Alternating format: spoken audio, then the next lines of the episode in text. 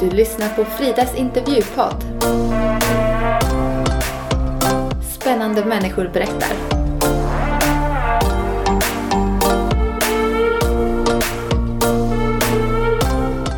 Välkomna till det här poddavsnittet där vi ska få lyssna till David Campus som är en idrottsälskare som i unga år hamnade snett in i droger och mycket alkohol. Vi ska få lyssna till hans väg ur detta och mycket mer. Häng på! Så kom jag dit och jag, jag rökte ju fortfarande cigaretter men jag kommer ihåg innan jag skulle gå in där så bara kände jag nej, jag ska inte ha med de här ciggen att göra. Jag, jag ska söka Gud här nu. Välkommen David! Tack så mycket! Underbart att få vara med här i denna podd. Ja, verkligen. Vi startar igång här med fem snabba frågor till dig om det är okej. Okay. Hemmakväll eller bortakväll? Bortakväll. Popcorn eller chips? Popcorn. Basket eller handboll? Det var svår. Det är svår. Eh, Okej, okay, om jag resonerar så här. Folk har lättare att spela basket. Jag gillar gemenskap. Basket. Ja. Yeah. Melodifestivalen eller TV4 Morgonsoffa? om det är något riktigt intressant så säger jag faktiskt TV4 Morgonsoffa. Mm. Eh, morgon eller kvällsmänniska? Jag, jag, jag säger tro morgonmänniska. Tack! Det blev ett eh, litet intro där om dig och eh, vi vill ju höra lite mer också. Hur var din uppväxt? Jag växte upp i Göteborg, i utkanten, ett litet område som heter Gunnilse. Eh, och där växte jag upp med min familj och eh, vi var ju en kristen familj. Eh, på många sätt gick till kyrkan och jag gick på söndagsskola och så under uppväxten. Men sen eh, när jag blev lite äldre, 12-årsåldern, så eh, la vår kyrka ner. Och det resulterade i att vi slutade gå till kyrkan. Eh, för att eh, jag själv tyckte det var lite eh, halvspeciellt att vara en som gick till kyrkan medan vänner inte gjorde det. Och ja, alltså jag hade ju med mig den här grunden hela tiden och så sen så börjar man ju högstadiet. Men då så gick jag lite närmare stan i ett område som heter eh, Gamlestan.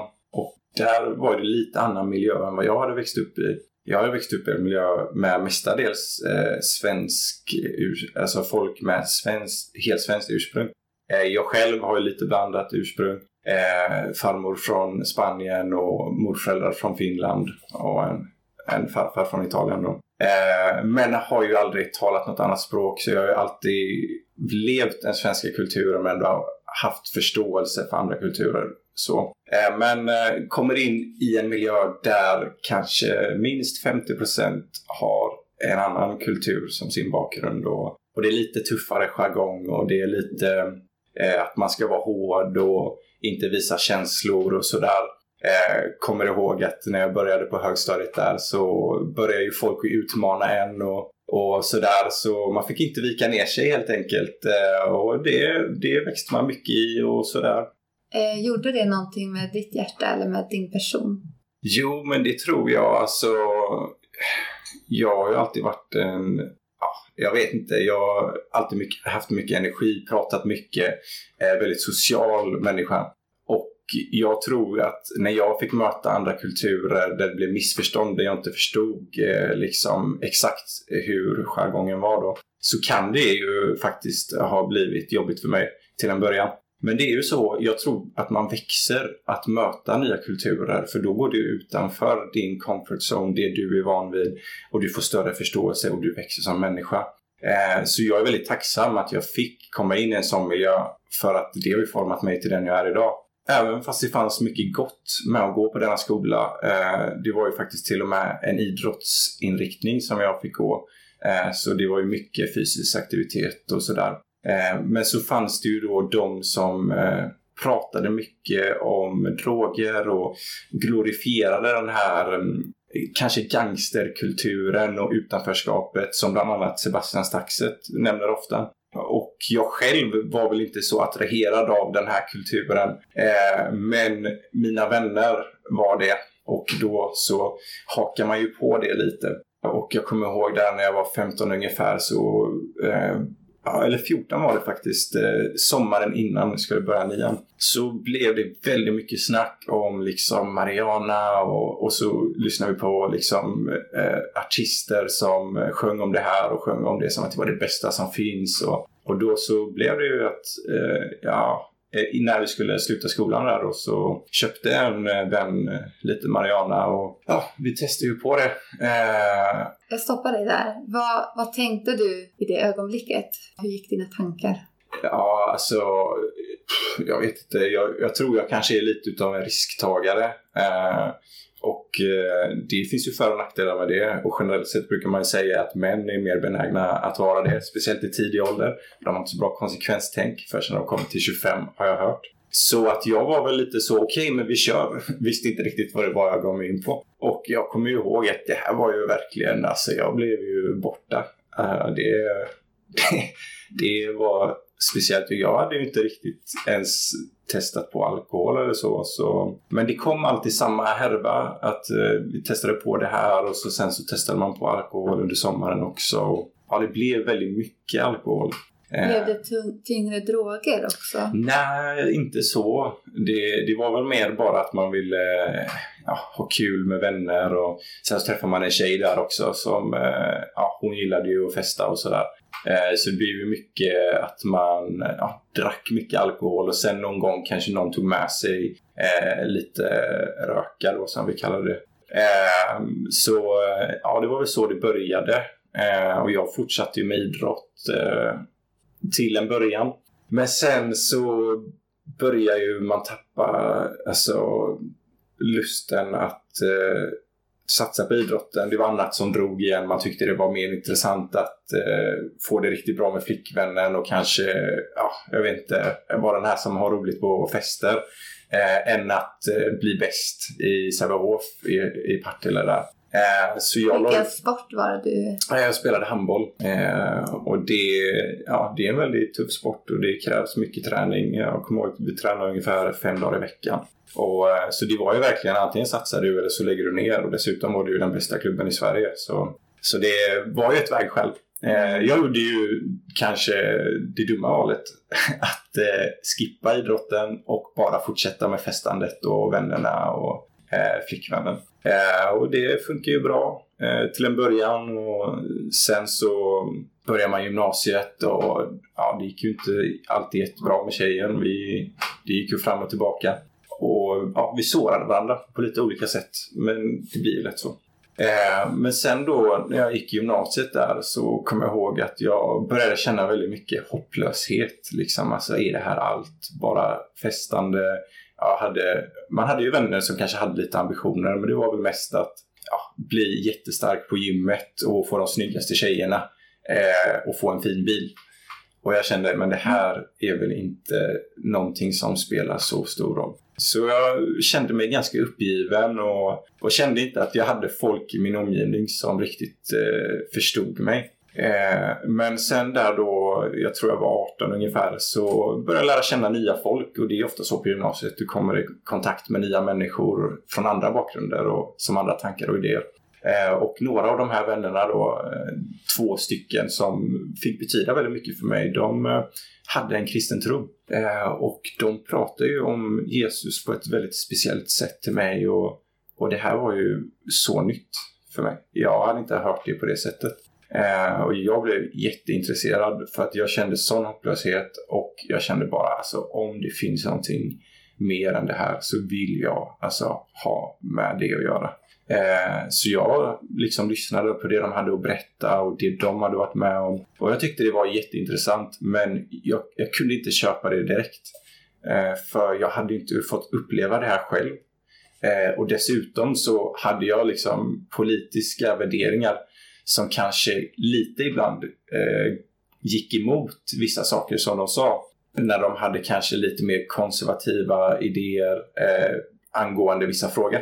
Eh, så jag var lite så här, ah, jag vet inte om jag ska köpa det här än. Men så kom jag ihåg då att jag var på en fest eh, och eh, ja, började prata med en vän där som hade konfirmerat sig och hade en uttalad kristen tro. Ja, om man pratar om Gud och liksom det här ljuset som vi kan kalla det, Eh, då kommer man ju också in på mörkret. Och vi börjar ju prata om det mörka. Vi börjar prata om liksom onda andemakter och demoner som man kallar det. Och det blev inte så bra stämning där vi satt. Båda blev lite skraja.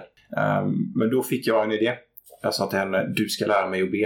Eh, så hon tog min hand och började be för mig. Och i den här bönen, jag var inte van vid att folk bad för mig. Det här var ju helt nytt. Eh, så bara kände jag liksom en frid som bara kom sakta men säkert och jag, jag kände som en värme som liksom gick ut från mitt hjärta ut i kroppen.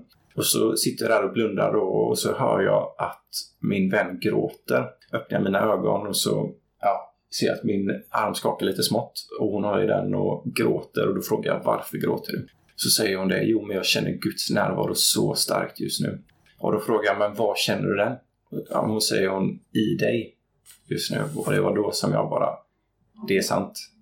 Det här som mina vänner har sagt till mig, det här som jag liksom har längtat efter, det, det, alltså Gud finns. Han är på riktigt.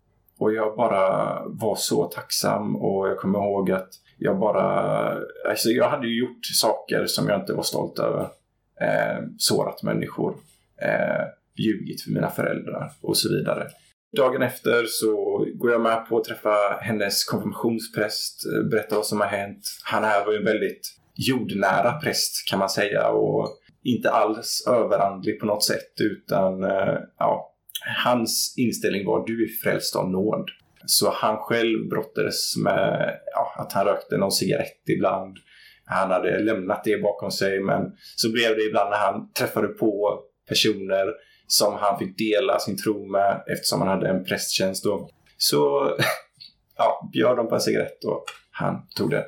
Så jag kände ju ett förtroende för honom för att jag själv, jag tyckte att han var inte som alla andra präster. Och eh, han sa ju det, Gud kallar på dig, du har ett val nu. Antingen tar du emot honom som din herre och frälsare eller så skjuter du upp det här, tar det imorgon som standardsvenskan hade gjort. Eh, och eh, jag står där, förstår att det här är ett stort val.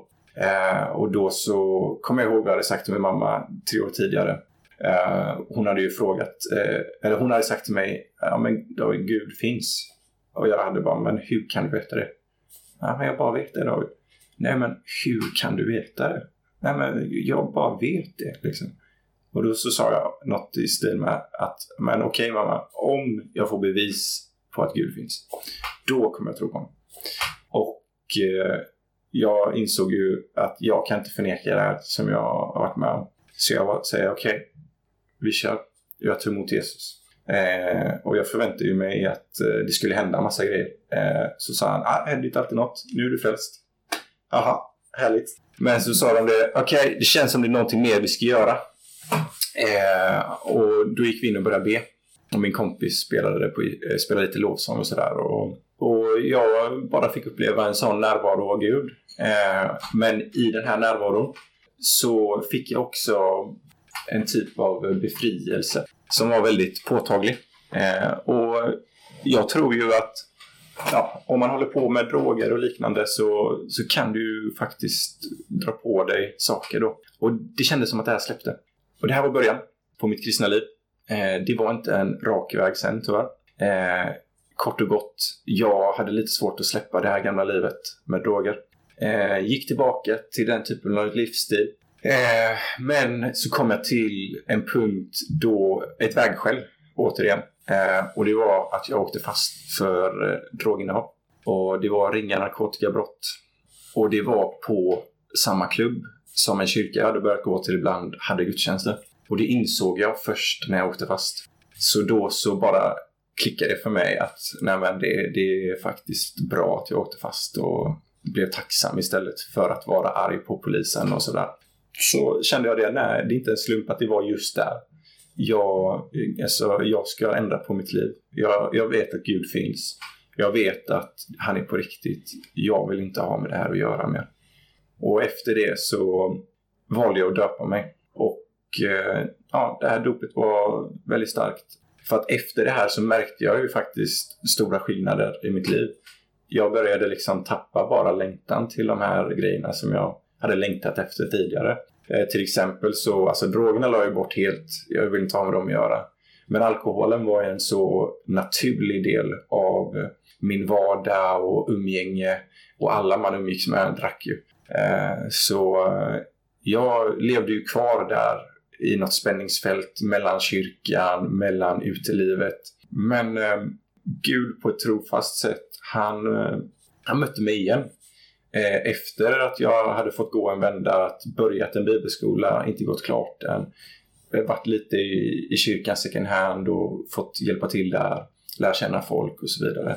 Ja, och så, sen då, alltså, Eh, man, när man kollar tillbaka så kan man ju se att Gud var med i det hela för att även om inte jag vill gå klart bibelskolan så hade jag liksom en trofast eh, en vän, en mentor, eh, lite som kanske en extra farsa blev han ibland.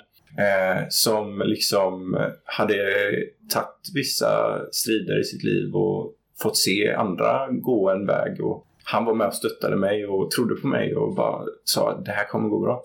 Eh, han var ju med och han var min chef eh, i den här second handen och tack vare att jag gjorde ett så pass bra jobb, enligt honom, eh, så fick jag fortsätta arbeta för honom. Han eh, blev min chef på ett lager. Och den här tiden var väldigt avgörande för mig för jag fick vara väldigt nära någon som hade en så stark gudsrelation. Eh, och jag fick liksom få sanningar talade över mitt liv och, och också se alltså, Guds natur genom folk som gick med honom. Eh, så Gud jobbade väldigt mycket där. Men jag tror att liksom crescendot, som jag brukar säga på det hela, det var ungefär ett och ett halvt år efter jag hade blivit frälst och gått de här vändorna eh, så eh, var jag på ett möte eh, i en kyrka i Partille. Eh, och då var det en bibelskoleklass eh, från en väldigt känd bibelskola i USA som var på besök. Eh, och det var ju mycket förväntningar på den här kvällen. Jag hade vänner som sa till mig liksom ja men det, det här kommer bli bra. Och jag hade aldrig testat att fasta och sådana grejer. Men då sa de, testa att fasta en dag innan. Och kom dit med stor förväntan. Så kom jag dit och jag, jag rökte ju fortfarande cigaretter. Men jag kommer ihåg innan jag skulle gå in där. Så bara kände jag, nej, jag ska inte ha med de här ciggen att göra. Jag, jag ska söka Gud här nu. Så går jag in, känner bara i atmosfären att här kommer det hända någonting. Och så står jag där och så eh, börjar vi lovsjunga och man känner ju liksom bara den här närvaron av Gud. Eh, och då så kommer jag ihåg att de här bibelskoleeleverna, de, de fick liksom budskap från Gud till människor. Och det var ju jättespecifika saker. Så som, ja men du gillar popcorn med det här sirapen på eller liknande. Eh, och så var det någon som faktiskt gjorde det. Jag hade aldrig hört talas om att man kunde äta sådana saker. Eh, och så sen då så fick de något budskap där att eh, ja men eh, Gud han, eh, han talar till dig ibland när du kollar på film. Och det här blev så levande för mig när de liksom fick de här tilltalen till människor.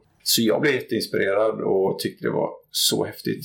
Jag kommer ihåg jag gick till krogen den här eh, kvällen och träffade lite gamla vänner och, och även vänner som kanske hade också halva foten i kyrklivet och halva foten eh, ute på, i det andra livet. Eh, och bara berätta vad som hade hänt och sa liksom till alla kom med imorgon, det är hur bra som helst. Och kommer dit nästa dag, eh, samma atmosfär, samma liksom närvaro. Eh, och då så kommer jag ihåg att jag står där och så ber jag verkligen från hjärtat till Gud. Det är verkligen så här ropar ut till Gud, bara Gud alltså om du liksom kan ta de här sakerna som jag bär på, ta dem, jag vill inte ha dem. Eh, och så kommer alla i princip kristna som jag känner vid den här tiden i Göteborg och ställer sig runt mig och lägger händerna på mig. Och de ber. Och när de ber så är det som att Guds alltså, närvaro bara faller över mig. Jag hade aldrig varit med om det här. Eh, jag, att man faller till marken. Men jag kände fysiskt som att jag inte kunde stå upp. Jag var tvungen att alltså, lägga mig ner på golvet för att det blev så starkt. Och då kommer jag ihåg att jag fick upp bilder från alltså, saker i mitt liv som hade hänt. Och det var som att Gud sa att här fick du ett stort sår. Här öppnade du upp för mörker. Men när han visade de här sakerna så var det som att han tog dem. Så det, det var liksom en stor läkande process. Jag bara låg där och kände som att hela min kropp blev läkt och det var folk som liksom la händerna på mig och satt och bad jättelänge. Och jag bara var så berörd. Och Gud gjorde så mycket. Eh, men sen då så eh, det, det, det är lite speciellt, men min vän hade varit på den här bibelskolan och han hade också fått uppleva detsamma som jag upplevde. Eh, och han sa det att när jag var på den här bibelskolan så gick jag längst fram där liksom pastorerna var och de som bad för människor. Och det blev väldigt starkt. Jag skulle rekommendera att du gör detsamma. Eh, så jag började sakta men säkert att traska fram. Eh, och så kom jag fram där längst fram och så var det någon som började be för mig och ja, det, blev ju samma sak igen att jag föll ner på golvet och bara fick uppleva Guds närvaro. Och där så, alltså, jag brast ut i gråt. Jag bara grät och grät och grät. Kunde inte sluta gråta. Jag tror det, och det var ju framför en hel församling. Och, och det var inte lågt som jag grät, det var högt. Så eh, nästan som ett barn. Precis som ett barn. Eh, jag kommer ihåg att eh, jag grät så mycket och när du gråter hysteriskt då dreglar du. Eh, så det blev som en stor pöl runt mig. Vad tror du hände i dig i den stunden? Nej, men det som hände det var ju faktiskt att Gud, han satte mig fri eh, på djupet och eh, jag fick en befrielse. Och ja, det här var ju verkligen en, en vändpunkt i mitt liv. Så efter det här så blev det ju verkligen att jag, jag tog nog ytterligare några steg. Eh, den här tjejen som jag nämnt tidigare, vi hängde ju faktiskt ihop fram och tillbaka under alla de här åren. Men eh, ja, jag var, gjorde ett val. Eh, vi är inget annat än våra val i våra liv. Att inte fortsätta med den här relationen och av olika anledningar. Vi hade ju haft ett visst förflutet och sen så hade jag fått uppleva någonting som var så starkt att jag ville bara fortsätta och följa det. Och eh, hon eh, fick också uppleva det till viss del. Eh, men hon kanske inte hade den här att hon helt ville lämna det gamla livet. Eh, så eh, det blev ju kanske naturligt att vi gick skilda vägar. Och det går jättebra för henne nu också. Vi har god relation fortfarande. Men eh, ja, efter det här så fick jag gå klart den här bibelskolan som jag aldrig hade slutfört och eh, gjorde ett till år och fick växa jättemycket ja, jag, jag själv nu kanske inte riktigt förstår hur mycket Gud har gjort. Men, han är, men eh, folk i min omgivning som var med liksom före den här förändringen, de säger ju liksom att det, det är som natt och dag. Eh, så jag är jättetacksam. Och ingen kan ju säga till mig att Gud inte är på riktigt för att eh, alltså utan Gud så hade jag inte varit den jag är idag. Eh, men det är också det som är så fantastiskt med Gud, att alltså, han är konkret och han gör saker på riktigt.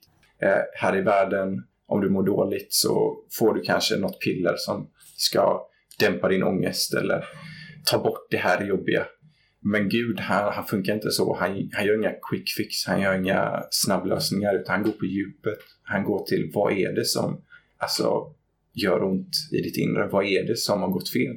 Och så tar han det och förvandlar det. Och, eh, så jag är ju övertygad om att alla människor kan få en befrielse. Så eh, ja. Och det här var ju en väldigt bra predikan också tycker jag. Och eh, på tal om predikan David så eh, ska ju du precis börja en pastorsutbildning, stämmer det? Ja, men precis. Eh, och det är faktiskt så att, eh, jag nämnde inte det, men när jag fick möta Gud första gången så så sa min vän där, David, jag tror du kommer bli präst. Och det var ju vad hon förstår är någon som tjänar Gud. För hon ja, hade ju konfirmerat sig med en präst. Och eh, det hängde ju med mig. Eh, och sen så har jag ju fått folk som har sagt eh, att vissa har sagt ja men du kommer bli pastor. Och eh, ja, det här har varit en längtan när, när jag fann Gud, eh, eller fick möta Gud, så blev det liksom, alltså jag fick en mening och jag, jag är så tacksam för den meningen. Och jag vill mer än allt annat få förmedla den till andra människor. Så att eh, det känns som en väldigt naturlig roll att få göra det och att få finnas där för människor och vara någon som kan få peka på Jesus. genom ens liv och genom ens karaktär och så vidare. Och det, det är ju ingenting som går på en dag. Jag är fortfarande i en process att bli mer lik Jesus. Men...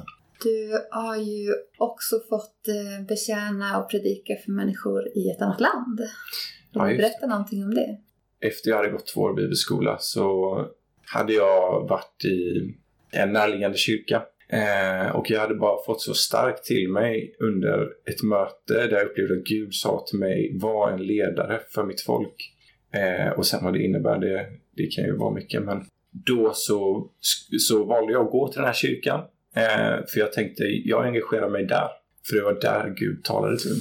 Och eh, jättefin församling och jätteunderbart eh, pastoralteam. Och då så fick jag förfrågan att få åka till Filippinerna på en missionsresa. Eh, och jag har ju alltid uppskattat Asien, haft ett intresse för Asien. Så när de nämnde, jag hade ju aldrig hört talas om Filippinerna, men så hörde jag att det var i Asien så okej, okay, jag köper där, vi åker. Visste inte heller vad jag hade att förvänta mig. Eh, Risktagaren. Ja. Eh, men så kommer jag dit och får möta ja, väldigt ödmjuka, kärleksfulla människor eh, som verkligen hedrar andra eh, på ett sätt som jag nog aldrig har sett här i Sverige. Och eh, vi får komma där till eh, olika församlingar och eh, fick vara med första kvällen och dela någonting kort eh, inför en församling där. Och det, det var väl kanske 200 stycken och jag har aldrig gjort något liknande tidigare. Så det blev ju ett steg i tro. När du var i Filippinerna så fick du ju komma till ett fängelse också. Vill du berätta lite om det? Ja, det var jättestarkt. Det var jätte... Först var vi alltså männens avdelning. Och där var det väl kanske eh, 200-300 människor som samlades. Och, och man såg ju eh, när folk delade att det här berörde dem. Eh, och innan vi kom dit då så hade jag fått en liten kort predikan som jag hade skrivit ner ord för ord. Så bara sa jag det som jag hade fått till mig då. Och det var bland annat att eh, jag tror att du kan sitta i fängelse och vara fri i ditt inre.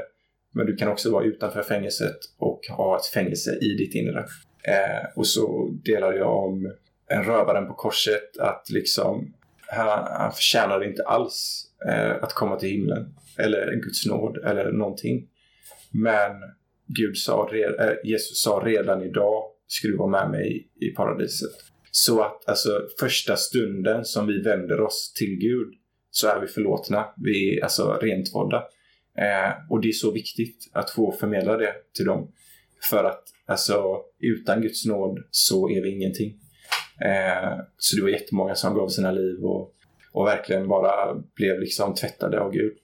Du har ju varit med om väldigt mycket, dels i ditt eget liv och dels i att eh, nu ge ut till andra runt om dig. Vad har du för längtan och drömmar framåt?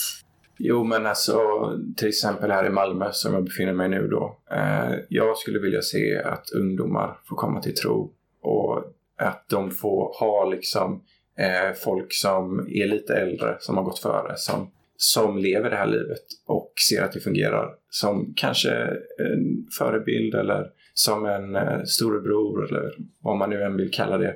Eh, för att det är ju det här som jag själv aldrig hade på det sättet och jag vet att det är en tuff tid just i tonåren och det kan hända så mycket. Eh, så eh, ja, det, det hade jag velat se. Att det är många som får förvandlade liv. Och från en tidig ålder få ha det här fantastiska livet utan alla omvägar. Eh, det skulle jag vilja säga. Tack för att du har delat eh, med dig av din berättelse, David. Är det något som du skulle vilja avsluta med att säga till lyssnarna? Ja, alltså om det är någon som lyssnar här och, och det kanske knackar på på hjärtat när du får höra om vad, vad Gud har fått betyda och göra i mitt liv. Och det, det, det kommer ske dig med. Eh, det handlar bara om att ta ett steg i tro och släppa in Jesus. Och jag brukar säga att det finns en väldigt simpel bön som man kan be. Och det är någonting i stil med Jesus, om du är på riktigt så vill jag ha med dig att göra. Jag vill lära känna dig. Jag bjuder in dig i mitt liv. Och där började det.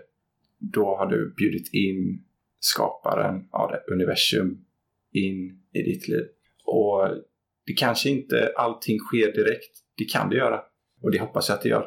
Men vet att Gud är trofast. Och när du har tagit ett steg i tro så kommer inte han att lämna dig. Han är alltid med dig. In till dagens slut. Så även om du skulle dö, eller vad som än händer, så är han med. Och du kommer ha ett evigt liv.